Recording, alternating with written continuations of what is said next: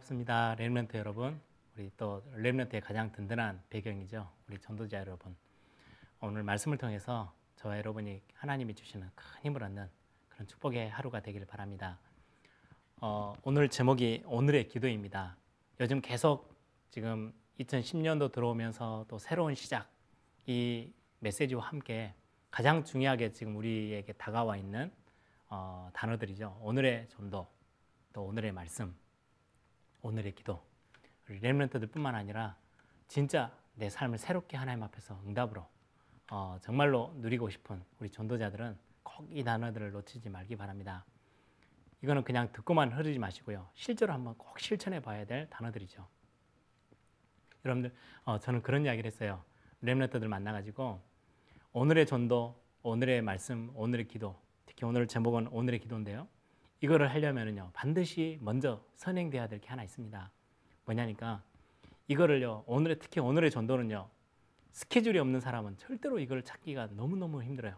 백지를 펴놓고 거기에 오늘의 전도를 찾으려고요 딱 앉아 있으면요 도저히 찾기가 힘들 겁니다. 억지로 그러면 전도하러 나가 봐야 돼요. 옛날처럼 전도지 하나 들고 여기저기 기웃거리며 다녀야 되는 지금 우리가 말하는 오늘의 전도는 그런 게 아니죠. 그것도 필요하지만 내가 움직이는 하루 동안의 스케줄. 그래서 제가 서울대 학생 랩런트를 만나서 그런 이야기를 했어요. 어, 하루 종일 놀, 놀고 있는 백수, 우리가 백수라 그러죠. 어, 백수는 절대로 오늘의 전도 찾기가 너무너무 힘들 것이다. 반대로 굉장히 바쁜 엘리트가 오늘의 전도 하기가 쉬, 저, 쉽겠냐 어렵겠냐? 훨씬 쉽습니다. 왜요? 아침 일찍부터 저녁 늦게까지 스케줄이 다 짜져 있어요. 그 스케줄 속에서 하나만 전도로 연결시켜도요. 굉장한 응답이 돼요. 아, 내가 오늘 식당을 가게 된다. 식당 아주머니를 만나게 되겠구나. 내가 거기에 그 바쁜 일정이지만 아침에 딱 전도지 한 장을 넣어가지고 가면요. 그게 오늘의 전도를 찾아내는 방법이에요. 어, 내가 차를 타고 간다. 또 내가 움직이는 내 하루 스케줄이 쫙 구체적으로 짜져 있으면 정리가 돼 있으면 그 속에서 오늘의 전도로 연결시킬 수 있는 건 굉장히 쉬운 게 어, 쉽게 됩니다. 그래서 여러분들이 오늘의 기도 나중에 결론적으로 이야기 드리겠지만 꼭 세 가지 기도는 하셔야 돼요. 스케줄을 정리하는 기도, 그리고는 중요하게 그 스케줄 속에서 전도를 준비하는 기도, 그리고는 그 속에서 말씀 붙잡고 기도하는 기도. 이게 여러분들 오늘의 기도의 핵심 어, 열쇠입니다. 꼭 이 부분들을 여러분들이 놓치지 말기 바랍니다. 오늘 어, 본문은 요한복음 14장 14절입니다. 내 이름으로 무엇이든지 내게 구하면 내가 행하리라. 기도에 응답하시겠다는 하나님의 말씀이죠. 오늘 본문을 보겠습니다. 어, 서론입니다. 하나님의 자녀는 어떤 상황에서든지 오늘을 최고로 누릴 수 있어야 합니다. 요셉은 큰 어려움을 당했습니다. 여러분들이 아시다시피 상상하지 못할 어려움을 당했죠. 형들에게 괴롭힘을 당하기도 하고 노예로 가게 됐고요.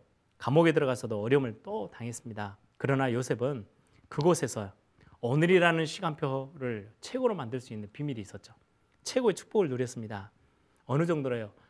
노예로 가 있는데 그 모든 땅까지 모든 나오는 것까지 그 사람들 주변에 있는 사람뿐만 아니라 땅의 소, 소상까지 싹 다 복을 받을 만큼 요셉은 응답을 누렸죠. 어떻게 하면 요셉처럼 오늘이라는 굉장히 중요한 시간표 속에서 우리가 이런 축복들을 어, 찾아내고 오늘을 최고로 만들 수 있을까요? 여기에 대한 답을 절대 놓치지 말기 바랍니다. 첫 번째입니다. 오늘을 성공시킬 수 있는 오늘을 최고의 날로 만들 수 있는 비밀입니다. 기도 스케줄을 가지고 있어야 돼요. 오늘의 모든 스케줄을 기도로 연결하는 거죠. 바울은 기도하는 곳에 가다가 루디아를 만났고요. 점하는 점수라는 어, 여자를 만나서 또 빌립보 복음화에 굉장히 큰 응답을 찾아냈죠. 감옥 안에 들어갔는데도 불구하고 기도를 통해서 하나님의 역사를 또 체험했습니다. 또한 육신의 질병으로 고통받을 때도 어, 바울은 최고의 기도의 축복을 누렸죠. 기도 스케줄 속에서 오늘을 누리면 반드시 하나님께서 답을 주십니다. 예, 여러분들이 하루를 기도와 연관되어지는 모든 응답들을 그 속에서 찾아내세요.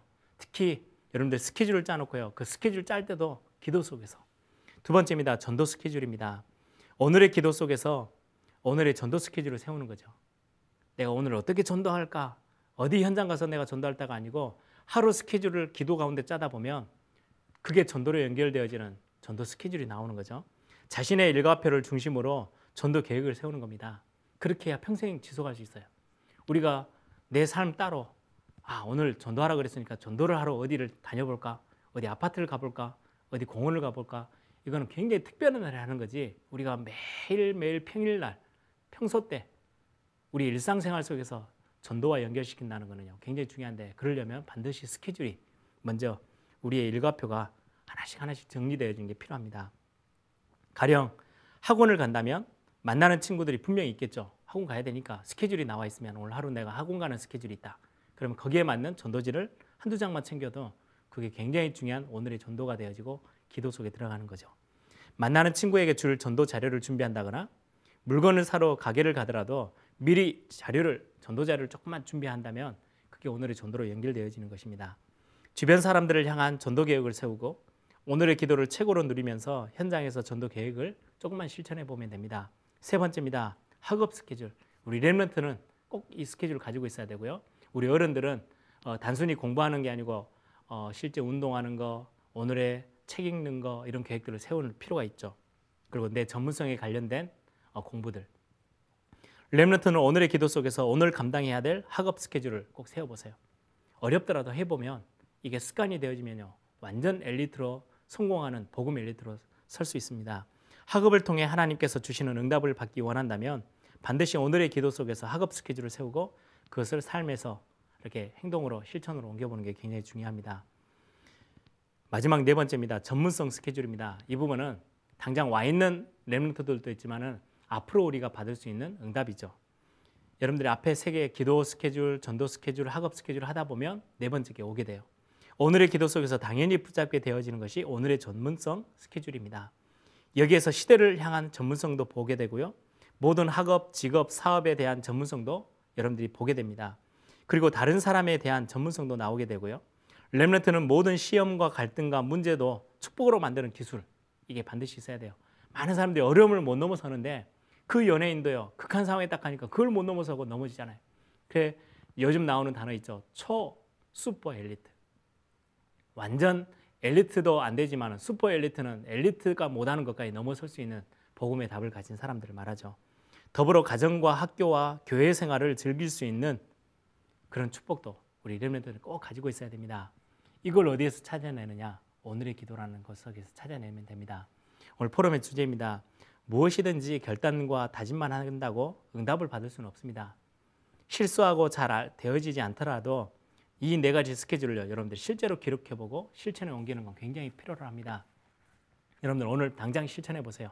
세 가지 기도를 꼭 하셔야 됩니다. 첫 번째, 스케줄을 정리하는 기도. 스케줄을 쭉 짜세요. 그걸 기도 가운데 하시면 돼요.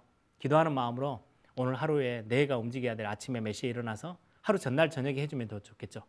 어, 몇 시에 일어나서 몇 시에 잔다까지 쭉 여러분들이 학교 가고 움직이는 모든 거를요 상세하게 구체적으로 적은 만큼 오늘의 전도로 연결시킬 수 있는 전도를 준비하는 기도를 할 수 있어요. 스케줄을 정리하는 기도, 그것 속에서 전도를 준비하는 기도. 그래 놓고는 여러분들이 하루하루 조금씩이라도 기도 수업을 놓고 말씀을 붙잡고 기도하는 기도. 이러면 완전 하루를 승리하게 됩니다. 그게 바로 오늘의 기도입니다. 함께 기도하겠습니다. 좋으신 아버지 하나님, 많은 엘리트와 많은 세상에 성공된 사람들이 결국은 답이 없어서 무너지고 있는데 우리 렘런트들이 성공자의 규모도 갖추고 이제는 슈퍼 엘리트로 초 엘리트로 세워져서 영적 문제를 모르는 그런 엘리트를 살려내고 한 시대를 살려내는 귀한 응답받는 우리 렘런트들이 되고 오늘을 성공시키는 렘런트가 되기 위해서 오늘의 기도 놓치지 않는 귀한 우리 귀중한 하나님의 자녀들 렘런트들 시대의 전도자들이 되어지도록 축복해 주옵소서 주 예수 그리스도 이름으로 기도합니다.